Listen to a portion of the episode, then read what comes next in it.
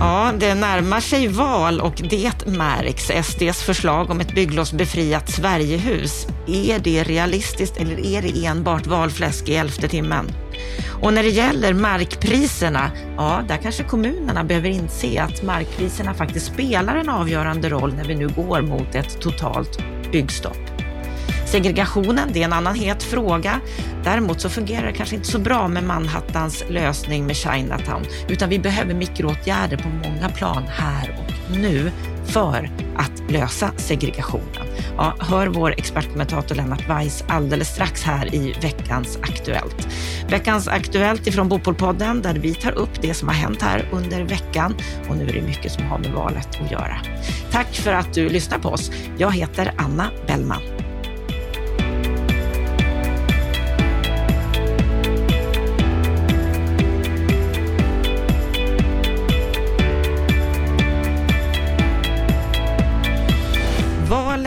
Närmar sig och det märks minsann i medierapporteringen. Sverigedemokraterna de kom med ett bostadspolitiskt utspel. De skrev på bostadspolitik.se om reformer för småhusbyggande och införande av Sverigehuset. Ett typhus som de menar inte att det ska krävas något bygglov för. Både Mikael Eskilandersson och Jimmy Åkesson skriver så här att en central godkänd husmodell skulle innebära att individuell bedömning och tolkning undviks en förkortad handläggning och byggprocess. Vi vill att en avreglerad nationell godkänd husmodell utan kommunala särkrav införs. En sådan modell, Sverigehuset, ska vara lokalt bygglovsbefriad. Ja, vad säger du, Lennart Weiss om det här förslaget? Skulle det vara genomförbart? Alla vill bygga friggebodar och attefallshus och eh, så även Sverigedemokraterna. Nej, det här är inte realistiskt, i varje fall inte inom detaljplanelagt område, kan vi helt avfärda.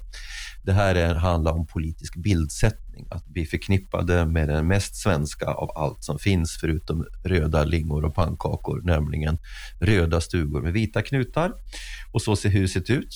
Även om jag gillar röda hus med vita knutar så tycker jag det här var ovanligt fult, måste jag erkänna. Men eh, det kanske kompenseras av att man får med en svensk flagga eh, på köpet. Eh, om vi försöker ta det här allvarligt, Anna, så är ju inte det här seriöst, vare sig ur plansynpunkt eller någon annan. Och Det som gör att det faller pladask, det är att det finns ju som vanligt ingen finansiell analys. För att även om du bygger hus utan bygglov eller vad det nu är, så måste de finansieras. Och då är vi tillbaka till det som vi har diskuterat hur många gånger som helst. Hur uppstod den vällovliga egnahemsrörelsen? Jo, den fick luft under vingarna tack vare egnahemslånet som kom 1905 och utan den lösningen så hade egnahemsrörelsen aldrig flyttat in till städerna. Så vill man att egnahemstanken ska lyfta igen, då måste det liksom mer till en tanke om hur människor ska kunna eh, finansiera det här huset. Än att liksom men det har de ju ett svar på här. De menar ju faktiskt att det här skulle göra att handläggning och avgifter minskas, inte minst då när det gäller just bygglovet, att det skulle bli en mycket enklare byggprocess, att det skulle bli en mer kostnadseffektiv nyproduktion. Mm. Så du menar om vi tar bort bygglovsavgiften, till och med stämpelskatten och sånt där, så är det bara att bygga huset? Gulligt. Ja, men vi kan väl släppa det här. Det är eh, ärligt talat bara ett eh, flamsigt utspel i valrörelsens elfte timme. Så vill de komma igen med den här saken och, och, och, eh, göra det på riktigt så får de vackert komma tillbaka med en idé om hur de här unga barnfamiljerna ska kunna finansiera huset. Innan dess så är det här bara eh, politiskt pajaseri. Då går vi vidare här i veckans Aktuellt till ett annat ämne som rör just bostadsbyggande och markpriserna. För nu är vi på väg mot ett totalt byggstopp och det innebär ju också att markvärdena sjunker. Och det här är ju något som kommunerna måste inse när de vill sälja mark. Stefan Renck, han säger så här i byggindustrin, att ett budskap till politiken är därför att markpriserna verkligen inte ligger fast på marknaden. När människor inte har en betalningsförmåga längre, då slår det direkt på markpriserna. Men Anna König Järlemyr, som är finansborgarråd, hon håller inte med i det här. Hon menar att vi inte är där idag, men det är en intressant diskussion.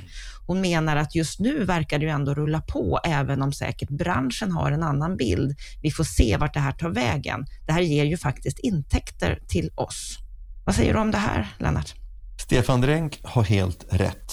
Och... Eh det folk ännu inte förstår, och med folk menar jag både allmänhet och politiker, det är vilket, ovan, vilket eh, oerhört allvarligt läge vi är på väg in i.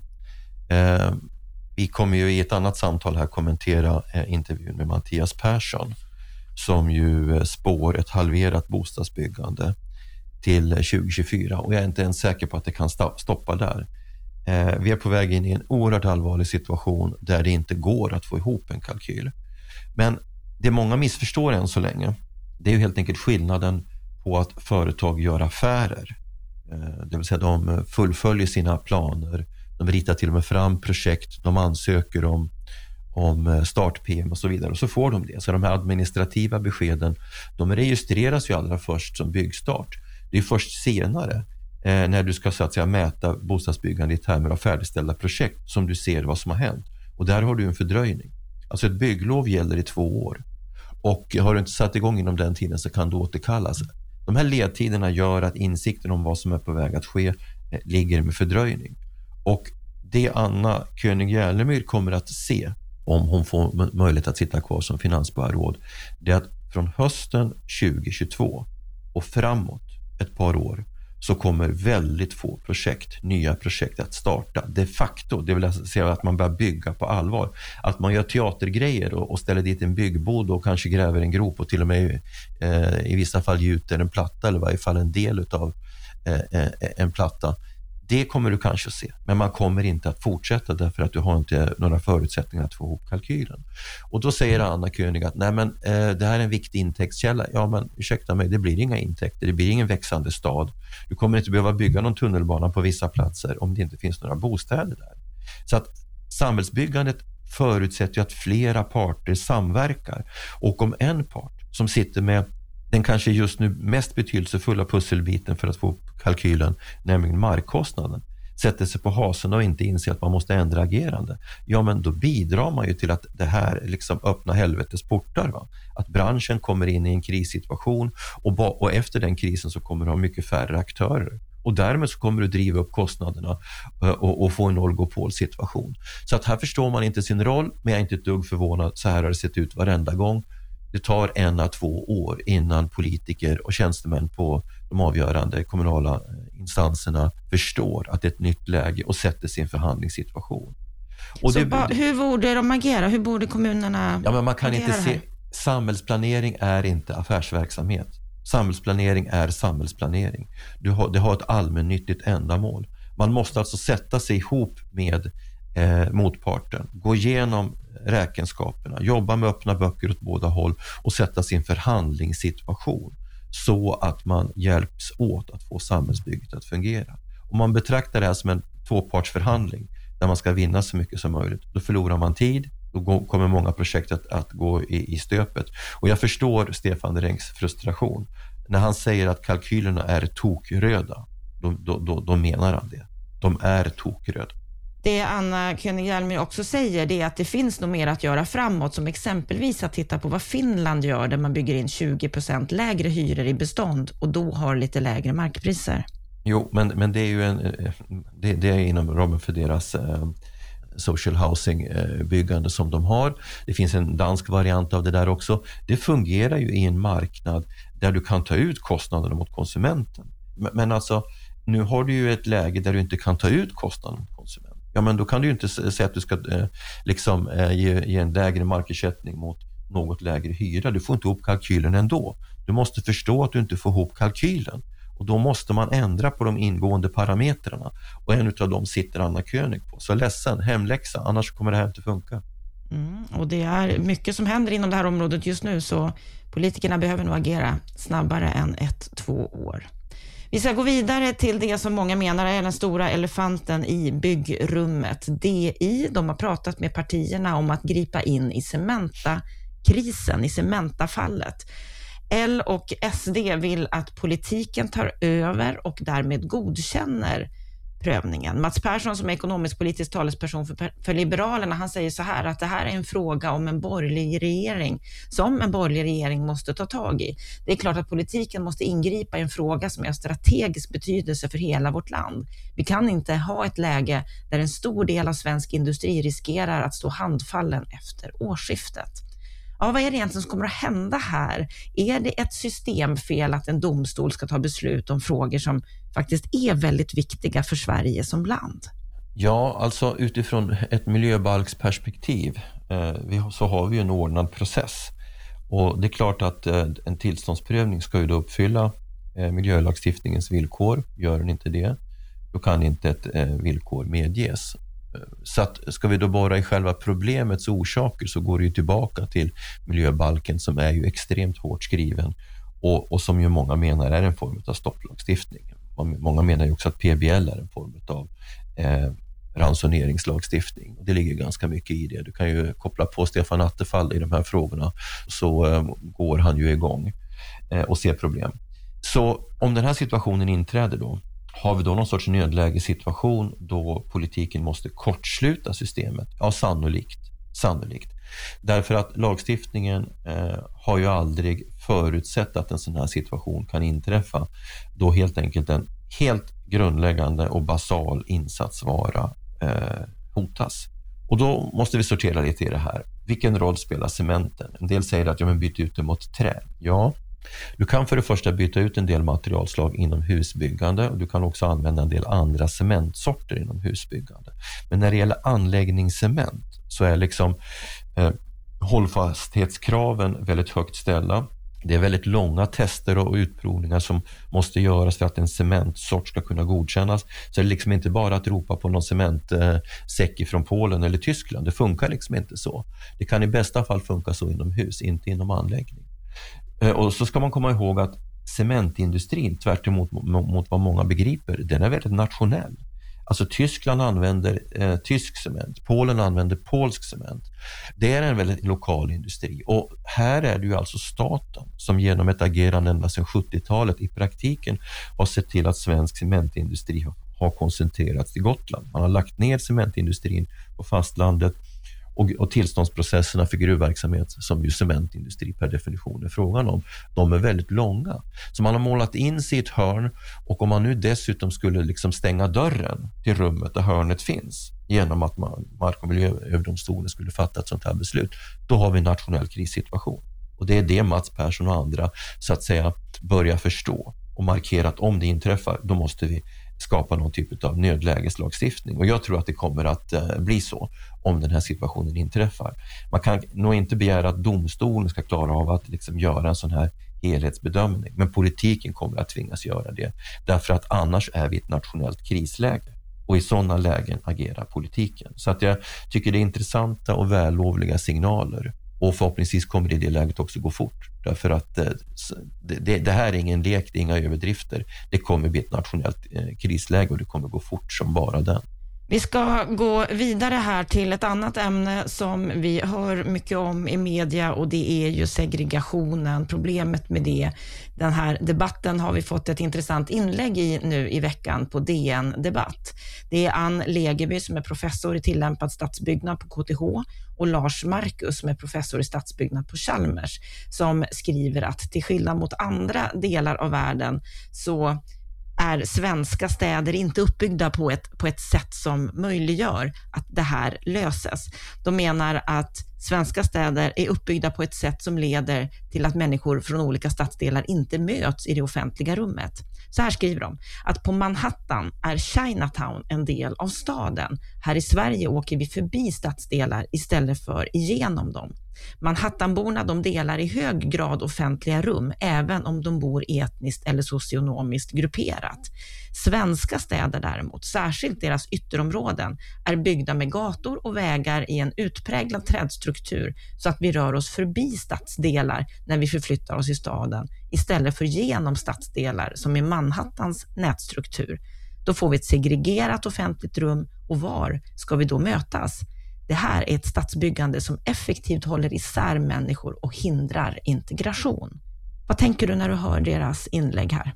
Eh, korrekt konstaterande, men vad blir slutsatsen? Alltså de försöker ju någonstans påskina att det är inte Chinatown som är problemet. Eh, nej, eh, men det är problemet i den svenska kontexten. Så om vi utgår från den svenska kontexten, i praktiken ett samhällsbyggande som vi har haft sedan efterkrigstiden, ja delvis faktiskt före, med separerade förorter, eh, så, så har vi en struktur som är en perfekt smältdegel för problem.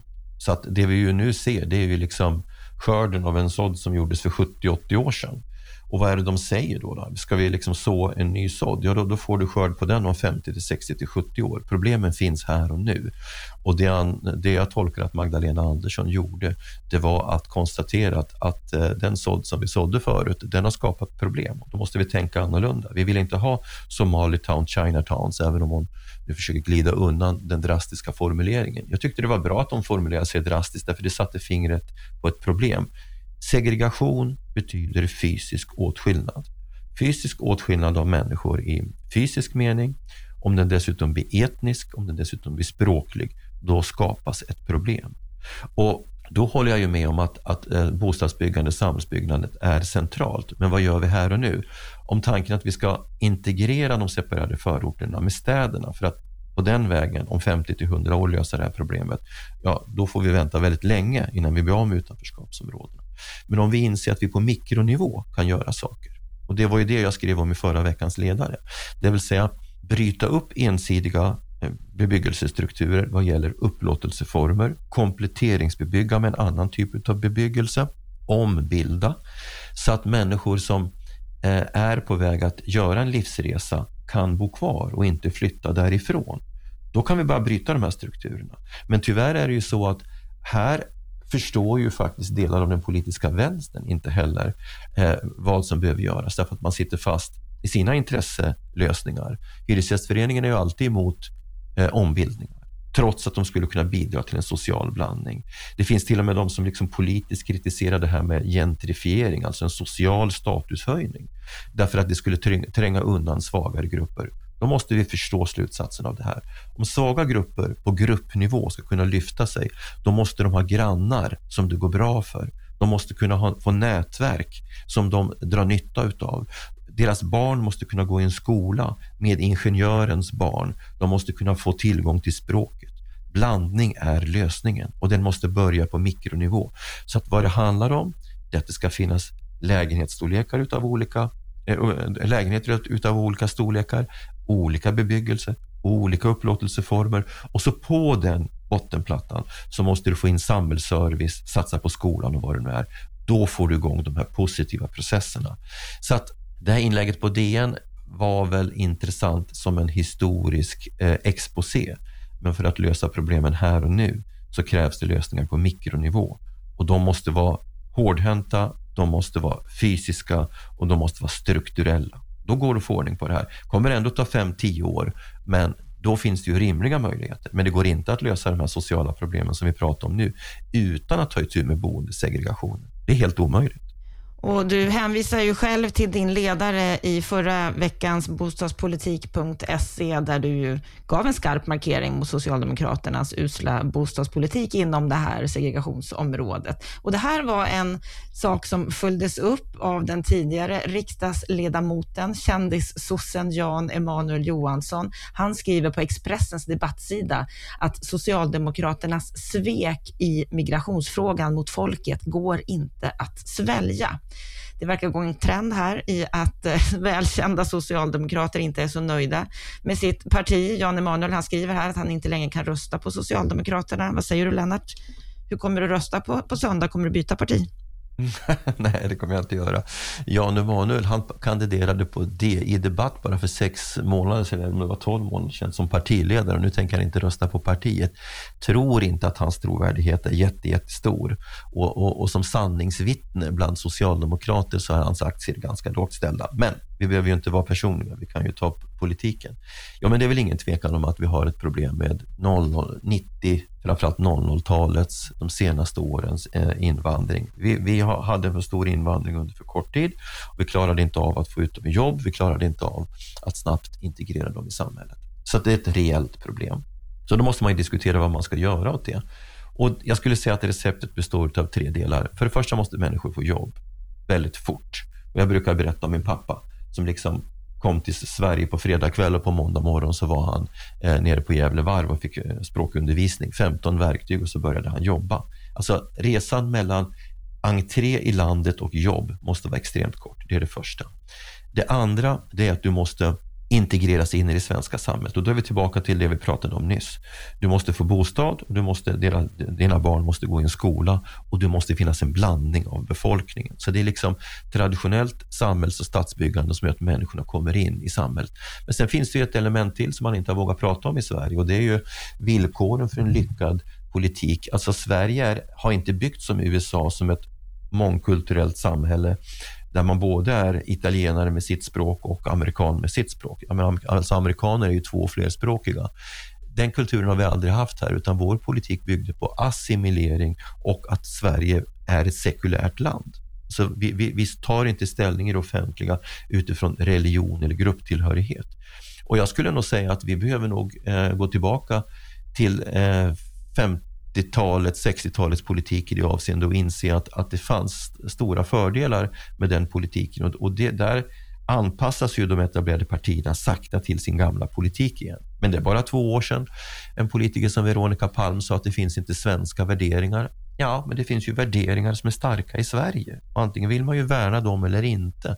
Så att jag skulle nog säga att från det att Sverigedemokraterna skapade en väldigt stor splittring i invandringspolitiken så är de etablerade politikerna på väg i det tysta tillbaka till politiska ståndpunkter som man hade förr och en politik som fungerade. Och just nu så har man eh, väldiga våndor över att man ska ömsa skinn eh, och anpassa sig till politikens villkor. Och det håller på att ske under stort samförstånd, men under mycket eh, eh tandagnissel och verk. Va? Men det håller på att ske. Så att under en period så, jag skulle nog säga att politiken är väldigt enig om det här. Det är han som inte riktigt förstår vad som sker under ytan. Men, Men om politiken är enig i den här frågan, spelar det inte så stor roll då, tror du, vad det blir för regeringsbildning efter valet? Jo, då, det är klart att det gör, för det finns ju en massa eh, detaljfrågor i det här utav fördelningspolitisk karaktär och så som måste lösas. Men i det, i, det, breda perspektivet så är enigheten om färdriktningen stor. Men såklart så finns det en massa politiska avvägningar som verkligen är partipolitiska och partiskiljande och vänster-högerfrågor och så. Det gör det.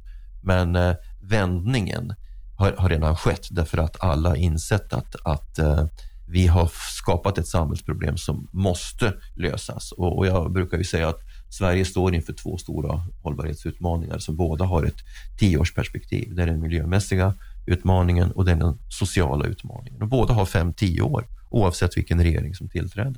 Mm.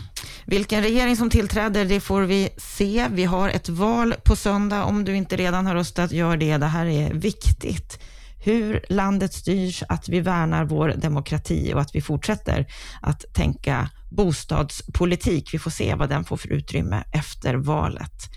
Så nu önskar vi en trevlig helg, ha en skön valdag, så hörs vi på måndag igen och då ska du få träffa Mattias Persson som är chefekonom på Swedbank och som tror att ja, det här det är kommer att bli värre innan det blir bättre.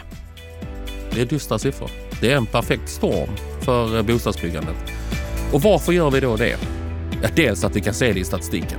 Vi vet att byggare, kommuner, alla har stoppat nybyggnationen från det som inte har kommit för långt. Sen tittar vi sen på insatsvarorna så i genomsnitt så har byggkostnaderna ökat med 20 procent. Då är det svårt att räkna hem de kalkyler man gjorde innan samtidigt som Riksbanken höjer styrräntan. Så det gör att miljön där man planerade för nybyggnation den har förändrats radikalt. Mattias Persson på Swedbank träffar du på måndag. Vi önskar dig en riktigt trevlig helg.